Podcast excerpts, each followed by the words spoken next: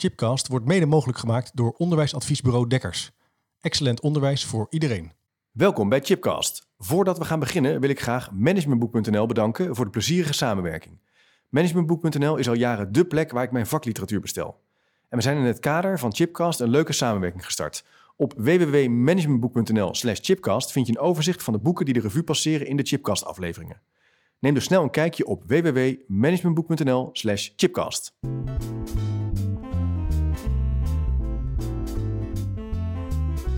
Welkom bij Chipcast, waar ik op zoek ga naar ongewone antwoorden en nieuwe perspectieven op vragen die mij bezighouden. Superleuk dat je luistert naar alweer een nieuwe aflevering, zo half juli.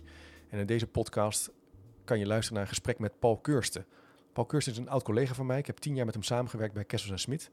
Uh, hij is adviseur, onderzoeker, maar ook vooral ondernemer. Hij heeft onder andere de Bloemenheuvel-locatie, waar de Chipcast Studio ook uh, gelokaliseerd is, bedacht. Dat is een flexwerkplek hier in Driebergen-Zeist, vlakbij uh, de station. Maar daarvoor ook de Malibaan 45 opgericht. Dat is een, ook een flexwerkplek, een ontmoetingsplek voor mensen die een kantoor willen zonder heel veel geld kwijt zijn aan een kantoor. Dat was eigenlijk het eerste, de eerste flexwerkplek van Nederland, toen niemand nog had gehoord over überhaupt dat idee.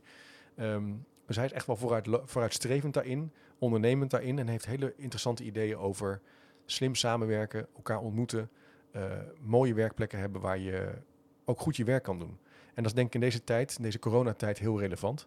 Uh, we ontmoeten hem uh, digitaal, of we spreken hem digitaal, want hij werkt ook in Zuid-Afrika. Workshop 17 is ook een van de initiatieven. Hij heeft in Johannesburg en Kaapstad ook van dit soort plekken opgericht om ondernemers ook een kans te geven samen te komen. Dat doet hij met hele grote bedrijven, maar ook met start-ups.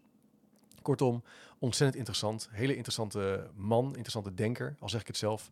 En um, veel luisterplezier. En op het eind kom ik nog even terug met een vooruitblik op de zomerprogrammering van Chipcast. Superleuk dat je in de, in de uitzending bent. Hartstikke leuk om te doen, Chip. Ja, ik heb er naar uitgekeken. Jij bent niet in Nederland, aan de nee, andere kant klopt. van de wereld. Misschien is het wel even goed om dat te vertellen waar jij precies bent nu. Ik zit in mijn werkkamer in Johannesburg. De zon ja. schijnt naar binnen. Maar het was uh, wit op het gras uh, vanochtend. Dus het is winter hier. Uh, echt een ja. tegenstelling tot Nederland. Ja. ik was aan het rennen vanochtend en dan was het 2 graden. En overdag warmt het op tot een graad of 18. Dan is het wel weer lekker. Maar dan koelt het weer af tot, tot dicht bij het vriespunt. Dus het is ja. wintertijd hier. Ja, want jij kan jou... ook. Ja, want coronatijd. En je hebt ook een trui aan, dus dat klopt ook wel. Want ik moest even schakelen toen ik je zag. Dat hé, hey, maar het is natuurlijk winter in Zuid-Afrika. Ja. En, en hoe is dat? En we gaan het uitgebreid hebben over de vraag: hoe gaat de werkplek van de toekomst eruit zien? Hè? Dat is iets wat, uh, waar jij heel actief mee bezig bent.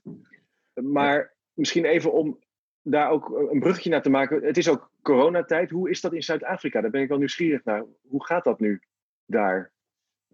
Um, we zitten in een latere fase dan Nederland. We hebben iets na Nederland hebben een volledige lockdown gehad. Dat betekent echt um, alles dicht, alleen uh, essentiële beroepen werken. Je mag niet het huis uit tenzij je boodschappen moet doen of naar de dokter. Ja. Dus het was, uh, daarna hadden we een fase, um, daar hadden we een soort um, gelimiteerde naar buiten gaan, maar bijna nog alles dicht. maar je mocht dan wel buiten hardlopen bijvoorbeeld, maar alleen tussen 6 en 9 s ochtends. En daarna moest iedereen weer thuis zijn. Oh ja, wow. Ja. Uh, en nu, nu mag er weer wat meer, uh, ook al omdat het hier zo ontzettend veel impact heeft. Zoveel mensen verliezen hun baan. Ja. En dan moet je denken aan alle mensen in een restaurant, alle mensen in, in winkels. Um, die hebben toch niet hele hoge inkomsten. En die, die leven, zoals hier zeggen, hand to mouth. Dus um, armoede is sowieso al hier, werkloosheid was al hoog, is nu nog hoger. Dus de economie op slot houden betekent ook dat heel veel mensen gewoon geen eten hebben. Nee. En dat er veel andere, uh, en vatbaar voor veel andere ziektes. Dus het is wel, het hakt er wel flink in. En armoede en, en voedselpakketten. En, en je zag bijna niemand op straat, maar het aantal bedelaars op straat nam toe. Dus het was ook wel zorgelijk om te kijken hoe dat voor de maatschappij uitpakt. Ik denk dat onder die druk, ook al zijn we nog, zijn de aantallen nu aan het omhoog gaan, hmm. toch steeds verder open gaat en bijna alle bedrijfstakken wel weer kunnen werken. Ja. Um, maar het is niet zoals het uh, daarvoor was. Nog nee. steeds geen files. Geen files, nee. nee en, en, en is de, de, in Nederland uh, ging het heel veel over de spanning en de druk op de ziekenhuizen. Hè? Van we moeten dit allemaal doen omdat de ziekenhuizen anders overlopen. Hoe is dat dan in Zuid-Afrika en in, in, Johannesburg bijvoorbeeld? Um, dat is hier niet gebeurd. Dat was hier natuurlijk ook waardoor de lockdown was. En de gezondheidszorg is hier. Ja. particulier en, en dan overheidszorg. Met name de overheidszorg is niet, niet erg goed en ook vrij beperkt. Dus ehm, de hond moet even eruit. Ja, ik hoor de hond. Dat maakt niet uit hoor. Ik moet even naar buiten. De hond mag, En, heeft, heeft ehm, geen lockdown. Nee. Dus de, maar door de lockdown zijn de aantallen heel lang heel laag gebleven. En zijn Ja, ja, al die ja. voorzieningen niet nodig geweest. Ehm, en daar kwamen ook steeds meer verzet tegen de lockdown. Maar de voorzieningen zijn op zich redelijk goed. Het testen gaat vrij goed. Ja. Eh, er zijn heel veel teams die de townships ingaan voor voorlichting, voor testen. Ehm, en dat is vrij goed georganiseerd. Oké, dat is dus wel, een, eh, dat is wel hoopvol dat dat eh, goed loopt. Ja, maar de, de economie was al zwak hier. Ja, precies, dat is natuurlijk- een flinke dreun gegeven. De, de werkeloosheid gaat tot, op tot 40 procent. Ja. dat is natuurlijk dramatisch. Ja, dat zijn aantallen, daar kunnen we geen voorstelling bij maken. Nee, en dan, dat betekent dat er echt een, ehm, veel impact is op alle niveaus. Hè, bij de mensen die echt in de armoede leven. Ja. Maar ook heel veel mensen die een baan kwijtraken en een hypotheek niet kunnen betalen. Of de school voor de kinderen eh, moeilijker kunnen betalen. En kinderen die Ja. Van school af moeten en naar een andere school die helemaal gesubsidieerd is moeten. Eh, dat, is best, ehm, ja, dat is best impactvol. Dus de gevolgen zullen wel lang eh, eh, merkbaar blijven. Goh, spannend zeg. Ja, dat is. eh, Ja. in, in, in die zin, gisteren hadden wij in Nederland de, de presentatie van, van onder andere Mark Rutte, of de minister, hè, dat we meer mogen in Nederland. Maar bij jullie is het dus echt nog wel even een andere fase, zou je kunnen zeggen. Ja, ja. ja. ja. Hey, en, eh, en, en Paul, jij bent in Zuid-Afrika, jij bent ondernemer. Eh, ik ken jou als adviseur en collega van Kessels Smit, hè, de Learning Company. eh, waar wij tussen ongeveer 2004 en 2015 samen hebben gewerkt. Jij, jij was een van de collega's die samen met Cora Smit en Jozef Kessels en jouw onderneming Profound samen is gegaan in de Learning Company. Een Mhm. advies, adviesbureau voor degenen die dat nog niet weten op het gebied van leren en ontwikkelen. Wat ook veel onderzoek doet. Maar jij bent ook ondernemer. Ehm, introduceer ik even kort als bruggetje naar de vraag: hoe gaat de werkplek van de toekomst eruit zien? Want eh, onder andere het, de werkplek Malibaan 45, een van de allereerste flexwerkplekken in Nederland, op de Malibaan in Utrecht, dat, dat was jouw idee, zou je kunnen zeggen. Ja. Ik weet nog heel goed dat jij daarmee op de proppen kwam. Zou je er iets over kunnen zeggen eh, in die tijd? Hoe, hoe je op dat idee kwam om een plek te maken wat een, een werkplek is, maar eigenlijk geen werkplek is? ja. Het is ook En meer een soort is. Ja. Het is een ontmoetingsplek, ja. ja. En een thuis voor werk hebben ze het ook genoemd. Ja. Stond op de ramen, volgens mij vanaf het begin. Ja, ja. Ehm, en niemand, iedereen vond het heel raar. Thuis, thuis voor werk. Dat is toch, Ja. Je bent thuis en je hebt werk. Dat zijn twee verschillende dingen. Nou, Precies. zeker nu is dat helemaal niet meer twee verschillende dingen. Maar even terug naar toen. Het was eigenlijk een verlengde met wat we deden als Kessels en Smit. Waar we zeiden van ehm, het leren, dat is altijd een, een soort kern in mijn werk geweest, leren. Dat gebeurt niet alleen in formele settings. Dat gebeurt heel vaak op en rond het werk, in ieder geval in de, bij volwassenen in de werksituatie. En dat Ja. gebeurt bijna altijd in een sociale context als je elkaar ontmoet. En het tweede was, ehm, leren ehm, gebeurt heel weinig gepland, maar vaak ongepland zijn die momenten waarop je een inzicht krijgt doordat je toevallig een gesprekje met iemand hebt. Wat in eerste instantie denkt van het heeft er niks mee te maken en later denk je, goh, dat zet me op een nieuw spoor. Dat zijn zulke belangrijke leermomenten die eigenlijk eh, bepalend zijn voor je ontwikkeling en voor je werk. En voor je, maar vaak pas achteraf gerealiseerd dat het een leermoment was. Die zijn nooit bedacht als, als cursus of als leermoment. Nee, precies. En we hadden al ehm, met um, Smit hadden we al een manier van werken dat we zeiden van goh, onze adviseurs zitten heel veel bij klanten, moeten heel veel op pad, maken lange dagen. Ehm, en je zag heel veel adviesbureaus kantoor hebben. En dan moesten adviseurs die niet bij klanten waren naar kantoor komen om daar te ontdekken dat alle collega's bij klanten zitten. En dan zaten ze nog weer in de file om dingen te doen die ze eigenlijk thuis ook konden doen. Ja. Dus we hebben van het begin af aan hadden wij ehm, onze collega's een, een thuiswerkplek. Ik weet niet of je dat nog herinnert, Chip. We hadden ook een thuiswerkvergoeding. Zeker, ja. Ehm, ja. En dan eh, zat je soms op maandagochtend eh, met toen nog een faxmachine en een computer. Eh, dan begon de werkweek.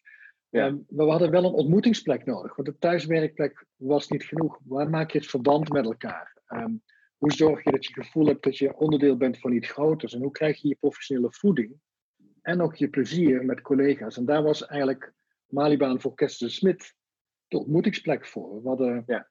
daar ehm 80 vierkante meter voor 20 mensen. En 25. Dus het waren geen werkplekken, dat was een plek waar we samenkwamen. En toen het pand beschikbaar kwam, eh, hadden we eerst het idee van laten we het nou overnemen. Dan kunnen we kijken wie er nog meer in het pand komt. En toen dacht ik van maar ik wil geen huisbaas worden. Kunnen we nou niet die ideeën van, die ik net vertelde, van een, een werk- en ontmoetingsplek en een leerplek, kunnen we dat nou niet maken ehm, op Malibaan 45? Ja. Wat nog niemand van coworking gehoord. Ehm, dat was in 2008 dat we ermee begonnen, eh Malibaan 45. En zo is, zo is het begonnen. En ik weet nog heel veel mensen over hadden van, ja, maar hoe doe je dat dan? En waar, waar heb je het nou precies over? En niemand heeft een plek. En het gaat, je, je verhuurt tijd en niet, niet vierkante meters. Ja. we hadden ook echt wel gezocht van, hoe moet dat nou? Eh, en dat was een mooie leerschool. Ja, ik, ik herinner dat nog heel goed. Het is- Wat ik ook fascinerend aan vond, dat daarmee ook een kantoor open stond voor andere mensen. Ja. Dus dat je, wat je normaal natuurlijk ziet bij de meeste bureaus of organisaties, dat je eh, ergens je moet aanmelden. En dan zegt iemand of je wel of niet naar binnen mag. eh, met een pasje. En het is heel erg afgeschermd. Hè? We, we, we hebben dan binnen wel mooie koffieplekken tegenwoordig, dat hebben we dan wel door. Maar het is toch heel duidelijk, hè, dit is het bedrijf A en niet bedrijf B. Ja, En bij- bij de, bij de Malibaan is het eigenlijk een, een ontmoetingsplek waar allerlei mensen eh, op bezoek kunnen komen. ja en dat loopt door elkaar. Hè? Dus Ja. het is een, ehm, ja, dat was heel erg het gevoel van, ehm, wat we niet moeten worden is een bedrijfsverzamelgebouw. Nee. Daar heeft niemand hele eh, vrolijke beelden bij. Dat je denkt, Goh, heerlijk, we gaan naar een bedrijfsverzamelgebouw. Nee. Het moet echt je thuis zijn. Of je nou op Kester Smit, wat, wat natuurlijk, wij noemen het ook bewoners en geen huurders. Ja, Kester Smit was een bewoner, maar er waren ook anderen. En dan doe je zelf de deur open en dan ontvang je je gasten.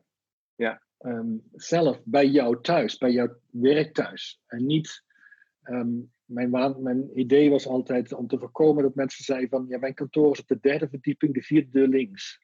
ja, Dan ja, verlies je dat gevoel van ehm, thuis. Je moet echt iemand bij de voordeur kunnen ontmoeten. En ehm, ik zelf vind het altijd heel vervelend om bij beveiliging aan te komen bij grote bedrijven. In plaats Ja, van bij een, bij een receptie die je welkom heet. Ja. Dus vroeger werd je welkom geheten en nu wordt gecheckt of je er mag zijn. Ja. En we wilden heel erg een plek maken waar iedereen zich welkom voelt. En waar je ook als je een tweemansbedrijf bent, het gevoel hebt, het hele gebouw is van mij. Ja. Ik kan op de eerste, de derde, de vierde verdieping zitten, voor of achter, waar ik toevallig zin heb. We hadden dus ook geen receptie, maar een café. Dus het café was waar je je gasten ontvangt.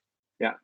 En ehm, de oudere luisteraars hebben nog, ehm, ik weet niet, toen ik begon als adviseur, zat je bij, als je dan bij directie zat, dan kwam er een koffiejuffrouw. Ja, En die ging ook met zo'n kaartje door de gang. ik vond dat altijd heel gênant. ja, En ehm, als adviseur vond ik het ook niet zo fijn als ik bij een, ehm, bij een andere plek was of een hotel was met, met een groep. Dan moest je negen draaien om koffie te krijgen. En we dachten, volgens mij is het veel leuker om zelf koffie te maken voor je gasten. Dus wij installeerden zo'n ingewikkeld eh ja de befaamde. Ja, machine. precies. de koffiemachine, waar dan mensen een beetje cursus moesten volgen. En iedereen zelf zijn koffie maakte voor zijn gasten. En daarmee dat eerste je- gesprek dat je toch hebt. Het is toch opmerkelijk dat dat koffiezetapparaat, want dat zit ook nu, eh Griet Bloemenheuvel, waar ik zelf de podcast opneem, hier in Driebergen-Zeist. Eh, een tweede werkplek die ook als een huis is ingericht. Er staat ook een heel groot koffiezetapparaat, ook op de Malibaan.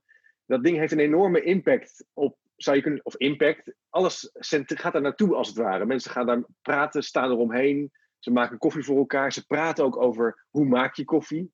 Eh, hoe doe je die schuim? En dat, is, dat gaat eigenlijk de hele dag door als je daar bent. Dat valt me echt enorm op. Ja, en dat is. ehm, ik had de impact niet helemaal door. Ik had er wel Nee. vermoeden van. Ik dacht, het moet belangrijk Ja, zijn. ja, precies. Het- je bent- En ehm, maar het, werd pas later. werd, voelde ik het heel sterk toen het koffiezetapparaat stuk was. Toen kregen we ehm, zo'n automatische machine die ook lekker espresso en cappuccino maakt. En toen zeiden mensen, "Da- het hart is uit het pand. ja, wauw. Ja. Dus het gaat niet om de machine, maar eigenlijk om wat er eromheen Ja. gebeurt. En Ja. in het begin werd er wat lacherig over gedaan. Toen het was een dure machine die met, met toetsen. Dat is Paul zijn Ferrari, zeiden mensen. maar een ik denk een betere investering dan een Ferrari, ook veel minder duur.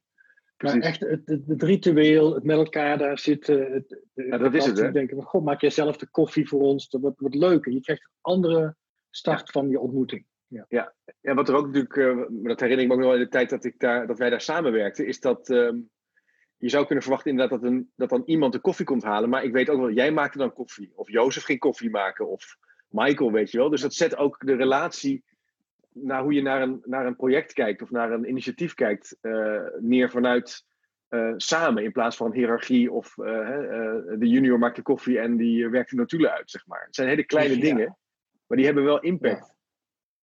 Het was in die zin helemaal in lijn met zoals we in Smit naar leren, werken, ja. Ja. ontwikkelen en innoveren kijken.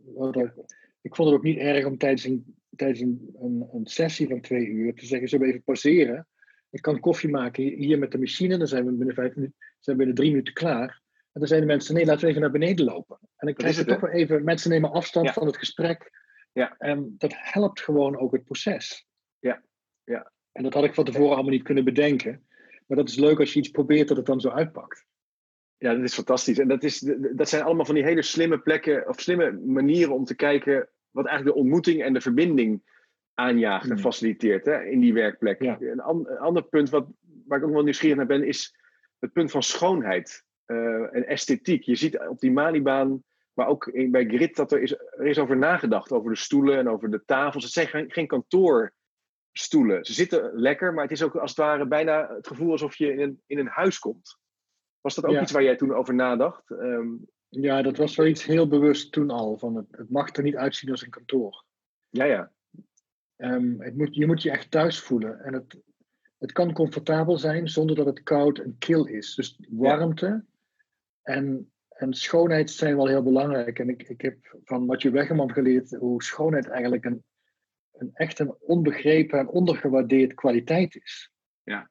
En dat we eigenlijk um, professionals dingen doen voor de schoonheid. En niet puur voor de effectiviteit of de efficiëntie. We hebben, we hebben drie waarden. Dat het effectief is en efficiënt is. Maar als je als professionals onder elkaar zegt van. Uh, als je een compliment geeft, dan zeg je niet, nou, dat heb je efficiënt gedaan. Dan zeg je, dat heb je mooi gedaan. Ja. Um, ja. Of dat was een mooie sessie. Niet zo, dan zeg je niet, nou, we hebben de doelen wel weer bereikt. Hè? Dat, daarom, dan zegt iedereen, nou, dat is, dat is oké. Maar, goh, wat liep dat mooi vandaag. Wat was het een mooi proces. En wat hebben we mooie resultaten bereikt. Dat is echt een totaal andere beleving.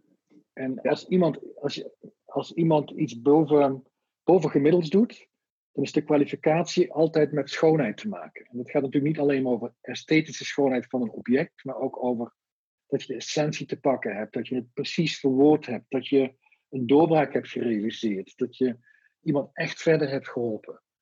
Ja, dat is het. Ehm, elke docent zal zeggen: dat is mooi, daarbij toch? Dat is een, daar zit een beleving bij die verder heeft. Nou, dat is mooi, die heeft weer een 8 gescoord. Nee, dat, is veel meer dan dat. Ja. Veel meer dan dat. En dat wilde ik vertalen in de werkomgeving. Dus het feit dat je niet in een kantoor komt. Een, een goede werkplek hoeft er niet uit te zien als een kantoor. Nou zijn de kantoren sinds 2007 wel weer veranderd. Maar ja, toen zeker, veel kantoren wel echt, uh, uh, wat, wat echt kantorig en onpersoonlijk uit. En het kan. Um, en de esthetische kant is gewoon heel belangrijk van hoe je je voelt in een omgeving. Ja. Nou, wat interessant is, er zijn heel veel bedrijven die nu inderdaad ook die flexwerkplek hebben geïntroduceerd of open kantoren. Uh, uh, soms zelfs uh, als ze wat meer geld hebben, een barista, koffie. Dus, je voelt wel dat er aandacht wordt besteed aan die buitenkant. Maar je zou kunnen zeggen, waar jullie mee hebben geëxperimenteerd en wat echt onderdeel is geworden van het ondernemerschap van die werkplekken, is ook die gezamenlijke verantwoordelijkheid en die verbinding tussen mensen.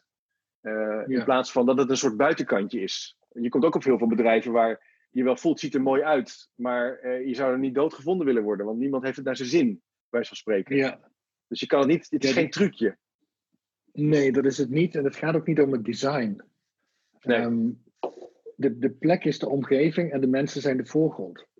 Ja, precies. precies. Dus de cultuur ja. die je met elkaar maakt en het persoonlijke. Dus de manier, ik, ik, ik, ik heb heel veel wel gedaan voor het design en ik, ik hou ontzettend van mooi, ja. mooi maken. Ja. En ik weet nog dat in het begin heb je het helemaal bedacht en dan gaan mensen met dingen schuiven. en toen dacht, dacht ik, ah nee, maar dat moet eigenlijk zo staan, want zo was het bedacht. Ja. Maar toen moest ik mezelf herpakken en zei, van, het is eigenlijk heel goed dat ze met dingen schuiven, want dat, dan betekent het dat het van hen is. En we hebben hier een concurrent in, in Zuid-Afrika die hele mooie werkplekken maakt. Maar mensen krijgen, hebben nooit het gevoel dat het voor hun is. Ze hebben altijd het gevoel, ik moet wel netjes blijven zitten en het moet wel netjes terugzetten, want anders verstoor ik de omgeving. ja, ja, ja. ja, ja, ja. En als je weer terugkomt naar dat concept van thuis, dat concept van thuis, ehm, alleen thuis verzet je de meubels. Dat doe je niet Ja. op bezoek. Nee. Ehm, dus voor mij was het de omkering bij mezelf van dat verstoort het ontwerp naar dat is eigenlijk het succes van het je thuis voelen.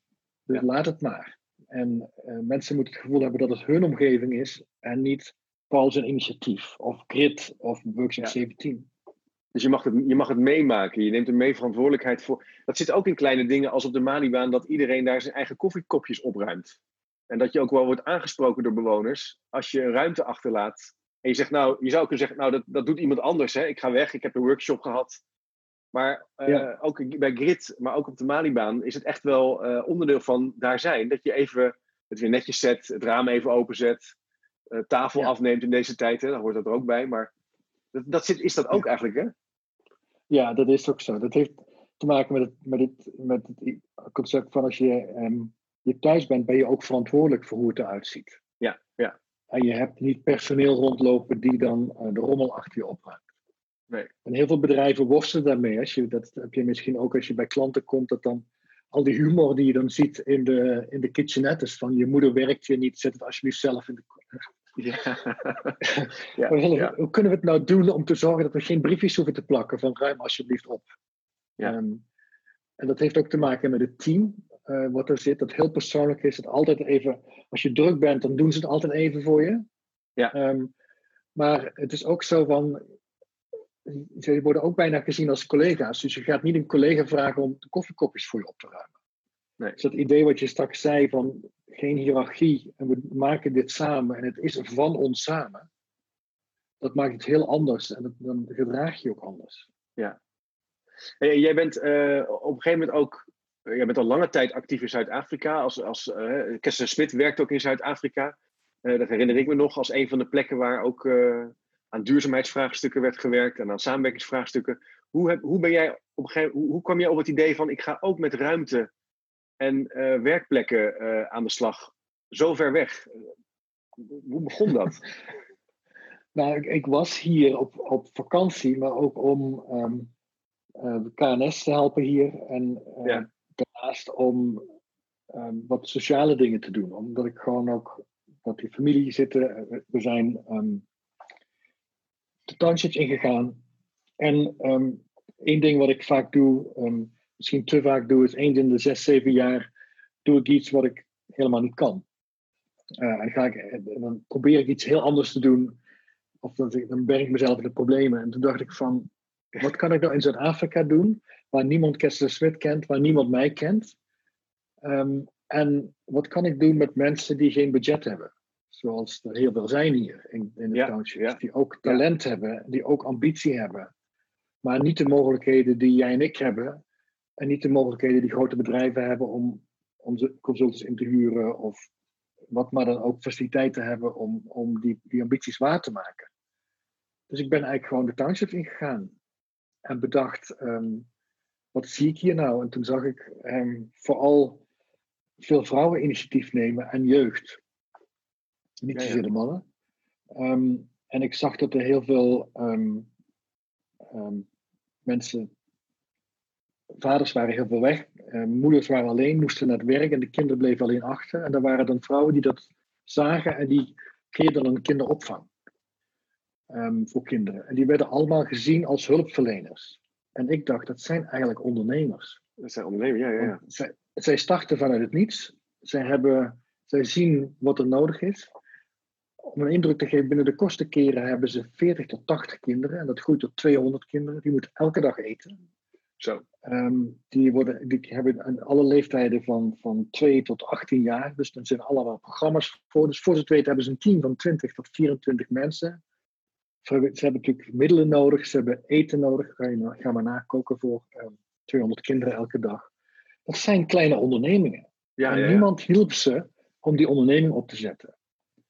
Dus toen ehm, eh, zijn we begonnen met, uh, met CITUS, wat eigenlijk een, een soort NGO was, een stichting, om ondernemerschap eh, van deze mensen te ondersteunen. Het waren jeugdgroepen En dat waren met name vrouwen die kinderopvang starten. Om te helpen, hoe kun je dat nou duurzaam maken? Hoe krijg je subsidie van de overheid? Hoe ga je relaties ja. aan met anderen? Ja. Hoe bouw je je team op? al die dingen die we voor klanten doen, die deden we daar. En dat heeft gezorgd dat ik hier een tijdje ben gaan wonen. En daar ontmoet ik mijn huidige businesspartner Mark, Mark Sechtel. En iemand die in de binnenstad van Johannesburg um, een soort nieuwe wijk aan het opzetten was. In een oude, bijna verlaten, shabby wijk. Om er weer nieuw leven in te blazen. Um, en die had ook het idee van hoe kunnen we nou een community maken hier. En daar kwam het idee op van, goh, het Malibaan in Nederland. Maar in Zuid-Afrika is er echt behoefte aan dit, nog meer behoefte aan dit soort plekken. Waar je naartoe ja, ja, kan, ja. kwalitatief hoge werkomgeving hebt. Waar, waar mensen rijk en arm naartoe kunnen en gebruik van kunnen maken. Van elkaar een ondernemerschap kan bloeien. En zo zijn we Workshop 17 gestart.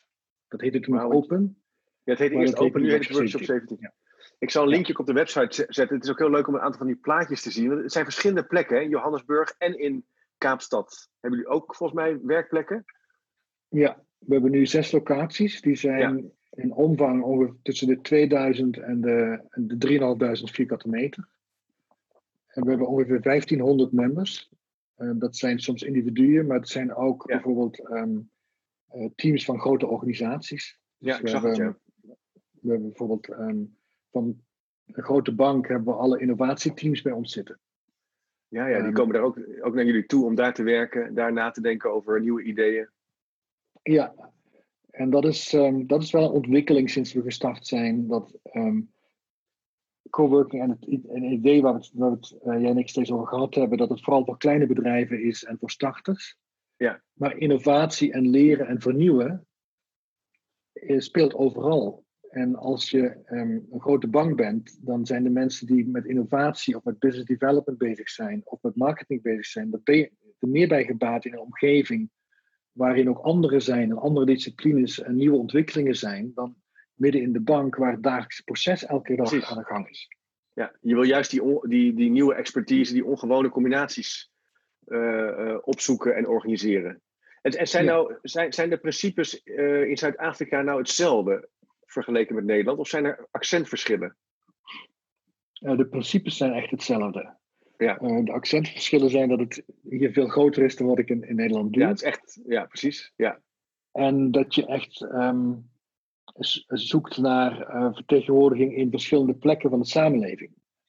Dus wij hebben bijvoorbeeld echt um, het principe van hoe houden we onze prijzen zo dat het ook um, bereikbaar is voor mensen die niet een hele grote beurs hebben. In Engels zeggen we van we willen aspirational zijn, maar niet elitair. Dus het, moet, ja, ja, mooi. het moet mooi zijn om er komen te komen. Het is een soort aspiratie en trots die je, die je hebt. Um, die zorgt dat je eigenaarschap neemt en dat je ook echt in je kracht komt. Maar niet elitair. Dus we, we sluiten niemand buiten. En we werken in Zuid-Afrika met heel veel partijen samen die ook um, talentontwikkeling, opleiding of um, netwerken doen. Dus we werken bijvoorbeeld met een um, coding school die mensen die eigenlijk geen diploma hebben, opleidt tot um, professioneel um, coder of, of, software developer. Ja. ja. we werken met een, een stichting die uh, het platform zijn voor, voor leren voor ondernemers. Wow. Happy Chef ja. heet die. En die krijgen sprekers over de hele wereld en onze members krijgen daar dan toegang toe. Dus ja, even, even terug bij het begin van hoe maak je dit nou een rijke leeromgeving? Zo, ons principe is eigenlijk, we willen um, het werk zo gemakkelijk mogelijk maken voor mensen. En een rijke leeromgeving maken waarin ze um, ja, succes kunnen hebben. En, hoop, en dan vooral succes die verder gaat dan hun eigen portemonnee vullen. Succes ja, die dat maakt dat je oplossingen maakt die bijdragen ja. Ja, aan iets anders. Ja. ja, dus je kan best hè, geld verdienen, hoort er natuurlijk uiteindelijk ook wel bij. Maar het gaat over je wil maatschappelijk iets bereiken. Maar dat valt mij ook op bij, als je bij Greet Bloemenheuvel komt, maar ook wel op de Malibaan. Er zijn ook altijd mensen met dingen bezig. Er is er weer iemand met een, uh, die heeft daar een flexplek over innovatieve, innovatieve kantoorruimte. Er staat er weer een tafel, is hij aan het experimenteren. En er was laatst een mm -hmm. jongen die was met een, een soort fiets bezig die, waarmee je zijn telefoon kon opladen. Dus je, als je binnenkomt voel je ook van hier zijn mensen dingen aan het doen waar ik niks van begrijp. maar wat wel interessant is. En, en, Ja. en dat is ook wel een soort fijne energie. Ja, dat is toch, als je nieuwsgierig bent naar elkaar, dan ontstaan de mooiste dingen. Ja, dat is het. En, en dat is natuurlijk ook de motor voor. Heel veel mensen denken dat, dat ondernemers werken met, met antwoorden, maar die werken vooral met vragen. Nieuwsgierigheid is echt de motor om te blijven ontwikkelen. Ja. Maar ook om benieuwd te zijn naar anderen. En als je zo, zo'n fiets ziet of zo'n tafel ziet, dan denk je, dan ga je gewoon een vraag stellen. En Ja. dan loop je naar iemand toe. Zeg je, goh, vertel eens, waar ben je mee bezig? Ja, waar ben je mee bezig? Zo Ja. kom je op, op nieuwe inzichten. En dat is echt wel weer de kern van een leeromgeving maken. En hoe zie jij nu, eh, we leven nu natuurlijk in het coronatijdperk, ja, jij nog midden erin in de lockdown. Eh, er, zijn, er, er, worden al, er wordt al vooruitgekeken, hè? hoe gaat dit straks verder? Eh, je, ziet, eh, je ziet, hoe kijk je daarnaar als ondernemer van werkomgeving en werkplekken? Zijn er al bepaalde dingen die jij, voor, of nou ja, voorziet niet dat je een soort witte, bol, hoe zeg je dat, glazen bol hebt, maar zijn er nou bepaalde dingen die je al wel, eh, waar je over nadenkt? Ja, ja, dat moeten we ook wel. Want we, hebben, we zijn Ja. natuurlijk wel ontzettend ehm, hard eh, getroffen door deze crisis. Als je Ja, twee maanden niet open kan, Ja, dat is ehm, een jonge en groeiende onderneming, dan is dat bijna funest. Dus, eh, ik wil er niet licht over doen. Het is echt wel Nee, ja. crisis. crisis. Ja. Ehm, zeker omdat we flexibiliteit hebben, heb je andere ruimte voor onze klanten. En, en onze klanten hebben ook lastig. Dus je wil ook zorgen dat je ze kan blijven ondersteunen. Maar ehm, we zitten eigenlijk in het grootste thuiswerkexperiment eh, ooit. Hè? De- door Ja. de coronacrisis is iedereen ineens thuis gaan werken. Ja, ja. En eh, er waren natuurlijk al een beperkte groep die dat deed. Maar heel veel mensen zaten gewoon elke dag in de file of in een overvolle trein om om acht uur, half negen of wat dan maar ook de norm was, daar te zijn. En dan weer terug in dezelfde drukte. En dat stopte ineens. Oh, je stopt ook de Mensen moeten in het kantoor zijn om. Ja. Lukt het nog? Ik heel even weg. Nee, je bent er weer. Ja, ja. Je zei het stopt ineens. Ja, dat, dat, dat ritme stopt ineens. En dan managers die het gevoel hadden om iedereen moet wel op kantoor zijn, zodat we goed kunnen samenwerken. Die krijgen ineens de ervaring van ja, het, gaat, het gaat ook op een andere manier. Ja, En ja. wij zitten nu op Zoom te praten. Zoom is, is eh, gecatapulteerd tot een soort eh huistuin- en keukenwoord waar iedereen weet waar je het over hebt. Ja, ja. En vroeger zei ze, nou, videoconferencing, we gaan toch maar even om tafel zitten, want dit kunnen we Ja. niet eh, online doen. Nou, veel, veel van die overtuigingen, ook rond productiviteit. Als mensen thuis zitten, dan doen ze niks. Hè? Dus de- de- die zorg die, die bedrijven soms hebben. Veel van die overtuigingen zijn ehm, hardhandig eh, omvergeblazen. Ja, zeker. Ja. En ja. dat, dat gaat niet meer weg. En mensen hebben ook ervaren eh, dat je thuis kan werken ehm, en vragen zich af waarom ga ik elke dag de file in? Of die drukke trein in? En Ja. nu kan ik ook mijn kinderen ophalen van school en dan doe ik s'avonds tussen 8 en 10 nog even twee uur. In plaats van, Ja. dan heb ik rond drie uur even een uur met de kinderen. Ja. En dat kan ook. Ja. Nou, dat soort ervaringen gaan we meenemen. En ehm, ik vat het eigenlijk samen dat de werkplek is niet meer een plek. De werkplek is, het, is een continuum van plekken. Het is thuis. Het is je kantoor van het bedrijf of de organisatie waar je werkt. Of, of, ehm, niet een kantoor, het kan ook een klaslokaal, wat het maar ook is. Hè. Ehm, en het is een plek zoals Grid of Workshop 17, waar je niet te ver hoeft te reizen, maar waar je eh, binnen kan komen één dag in de week of vier dagen in de week, wat, wat je maar ook wil. Eh, wat ze noemen een soort third, third space, hè, noemen ze dat in de, in de literatuur, een soort derde plek. Ja. En dan de virtuele plek, de plek die wij nu gebruiken, om, ook al zitten we 11.000 kilometer van elkaar. Dat samen wordt je werkomgeving. En je ziet ontzettend veel beweging al. Dat, ehm, ik kan het nu vooral vanuit Zuid-Afrika zeggen, maar Nederland was zeer waarschijnlijk ook. Ehm, gisteren was er een bedrijf, ehm, een technisch bedrijf, dat gaat terug van 3.500 vierkante meter kantoor naar 200 vierkante meter kantoor. Dus niet een klein beetje. Het is echt heel significant.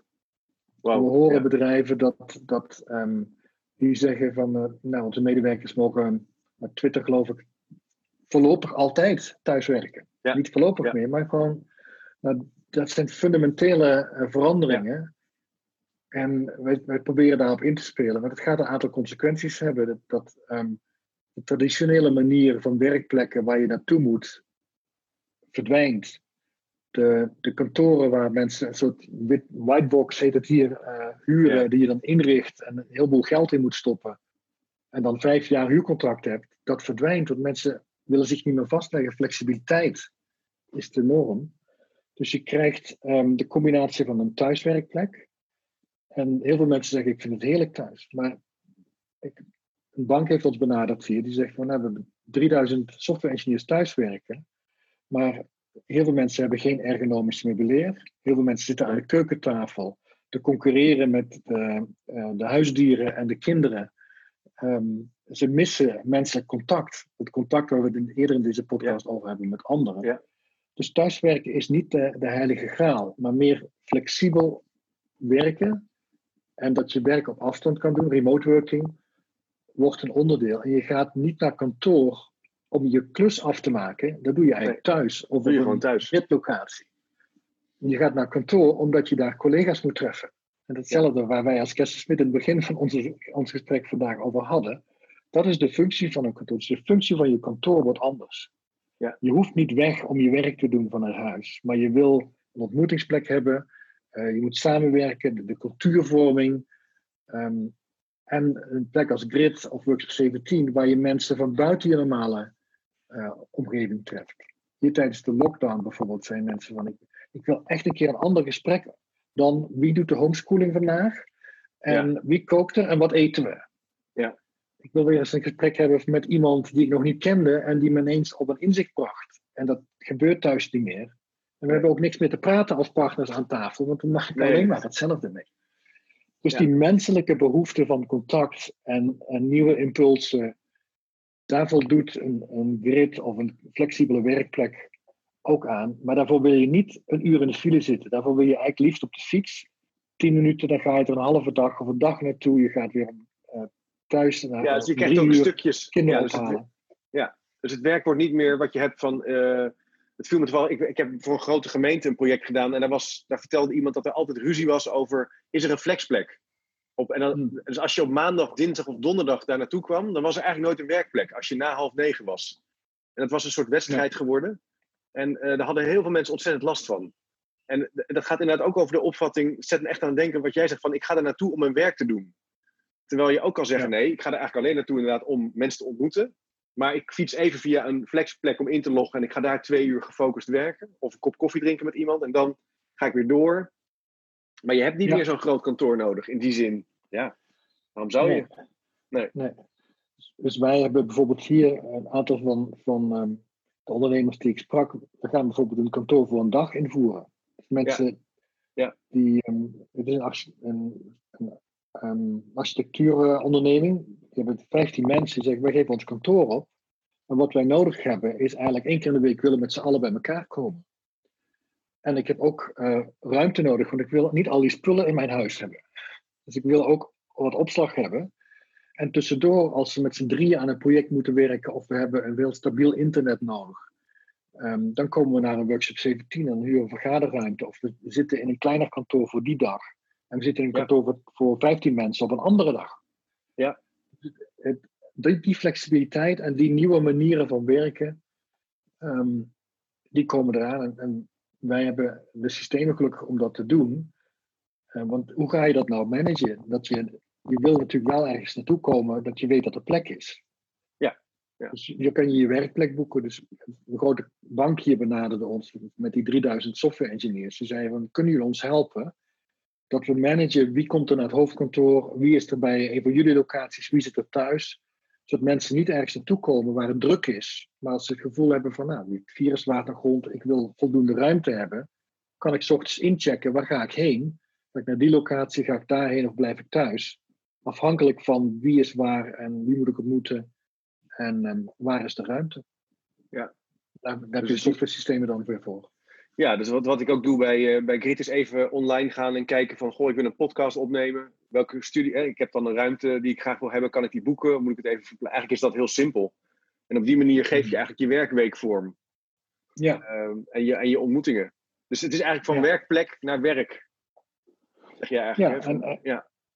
Ja. en het continuum van werkplek, dat, de trein hoort er ook bij. Hè? Je kan, Ja.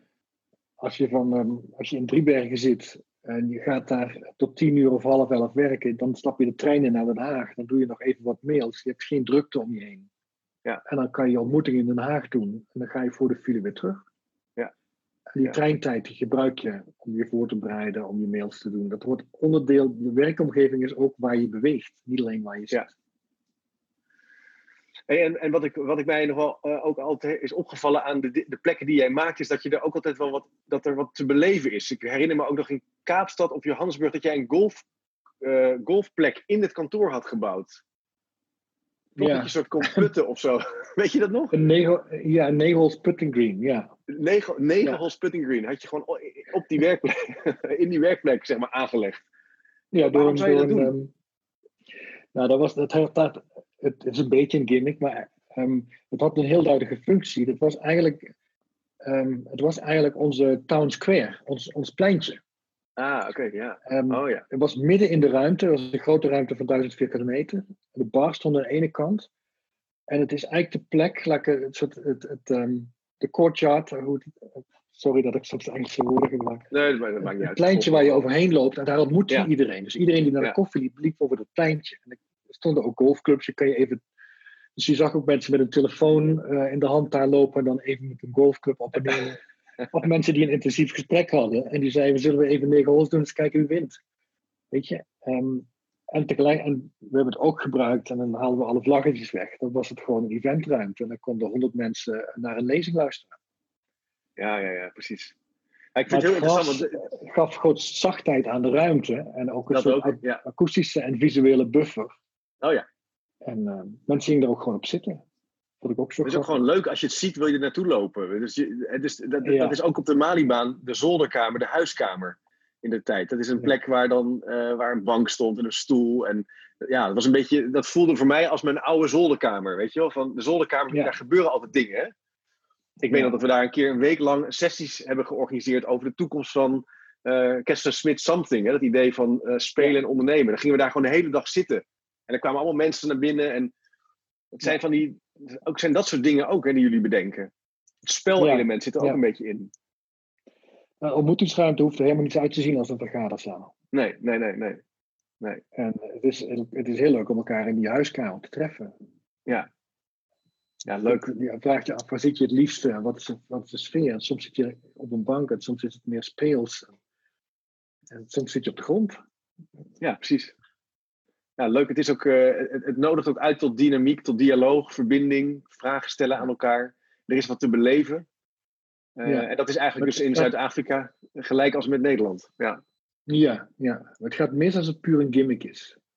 ja als het een Ehm, trucje wordt. Ja, ja, ja. ja, ja. Zo zie je veel flexplekken hebben ook een slechte naam gekregen, want dat zijn van die grote ruimtes die een beetje funky eruit moeten zien, maar waar niemand zich echt lekker voelt. Ja, maar dat is ook verschrikkelijk. Ja, Ja, je kunt echt, hoe maak je nou een plek waarin je je prettig voelt met 100 mensen of met 5 mensen? ja, precies. Hoe zorg je dat een ruimte van 1000 vierkante meter niet als een zee van ruimte voelt met 100, ehm, Ja. 100 bureaus erin, maar als een, als een soort parkje waar je Ja. in een park vind je het wel fijn om te lopen met z'n drieën. Maar zeker, in maar- zaal van, eh, van werkplekken niet. Nee, maar dat is natuurlijk ook waar, waar Japke D. Bauma van de NRC ook veel over schrijft. Als je, als je werk gedaan wil krijgen en je moet dan nu in één keer naar een flexwerkplek waar, waar 100 mensen in een ruimte zitten met slechte, slechte akoestiek en, eh, ja, en, en, en, en, er hangt misschien een dartboard, maar dat is het dan wel. Dan is het gewoon een verschrikkelijke plek geworden. Eh, Dus, je wil, dus dat is ook interessant wat we nu in dit gesprek ook verkennen. Je hebt wel concentratie nodig, je hebt wel werkplek nodig. Dat kan dan thuis zijn, het kan op Bloemenheuvel zijn waar je rustig kan werken. Maar het is niet zomaar van, oh leuk, we gaan even zelf een plek vinden en het lukt allemaal wel. Nee.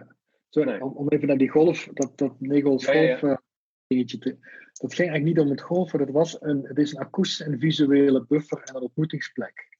Ja. En dat dat toevallig, ehm, dat je daar kan golfen, is een bijkomstigheid. We hadden ook een akoestisch plafond erboven.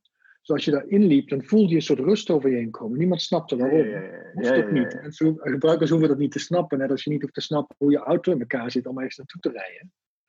Maar ehm, hadden, toen we het maakten, hadden zo'n, kan ik me nog herinneren, we hadden een loodgieter.